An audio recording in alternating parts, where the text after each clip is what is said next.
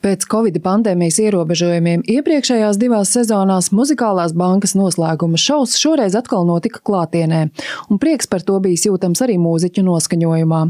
Gandarījumu par koncertu norisi pauž Latvijas Radio 2 direktors Kaspars Mauriņš. No mūziķiem eh, emocijas un sajūtas var noķert ik reizi, kad notiek muzikālās bankas finālšovs. Tie vienmēr ir tādi atkal redzēšanās svētki, un arī pēc pasākuma Mums bija balīte un, un tad arī pasākuma vadītājs Nacionālā teātra aktieris Vikārs Šeligovskis teica, ka neviens nemāk tā ballēt, kā prot ballēt mūziķi.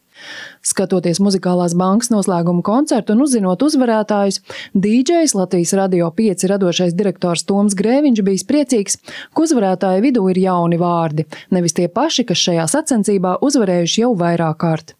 Turpin Toms Grēviņš tomēr tā paudžu maiņa mūzikā viņa notiek.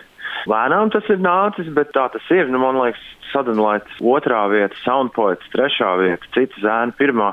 Man šis trijo patīk. Par paudžu maiņu muzikālajā bankā runā arī neatkarīgās rīta avīzes ilgadējais mūzikas apskatnieks Sandrs Vanzovičs, taču viņam tas nesot nekāds pārsteigums. Turpina Sandrs Vanzovičs.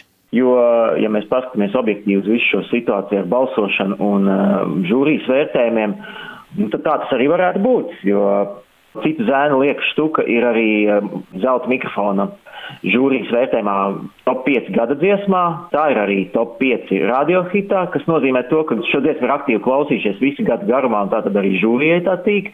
Nu, par to, ka cits zēns spēja noraut jumtu klātienē, nu, tas, domāju, tas nebija arī nekāds pārsteigums. Taču te pašā laikā man bija pārsteigums, ka viņi to spēja izdarīt tik ļoti pamatīgi un tik ļoti kvalitatīvi.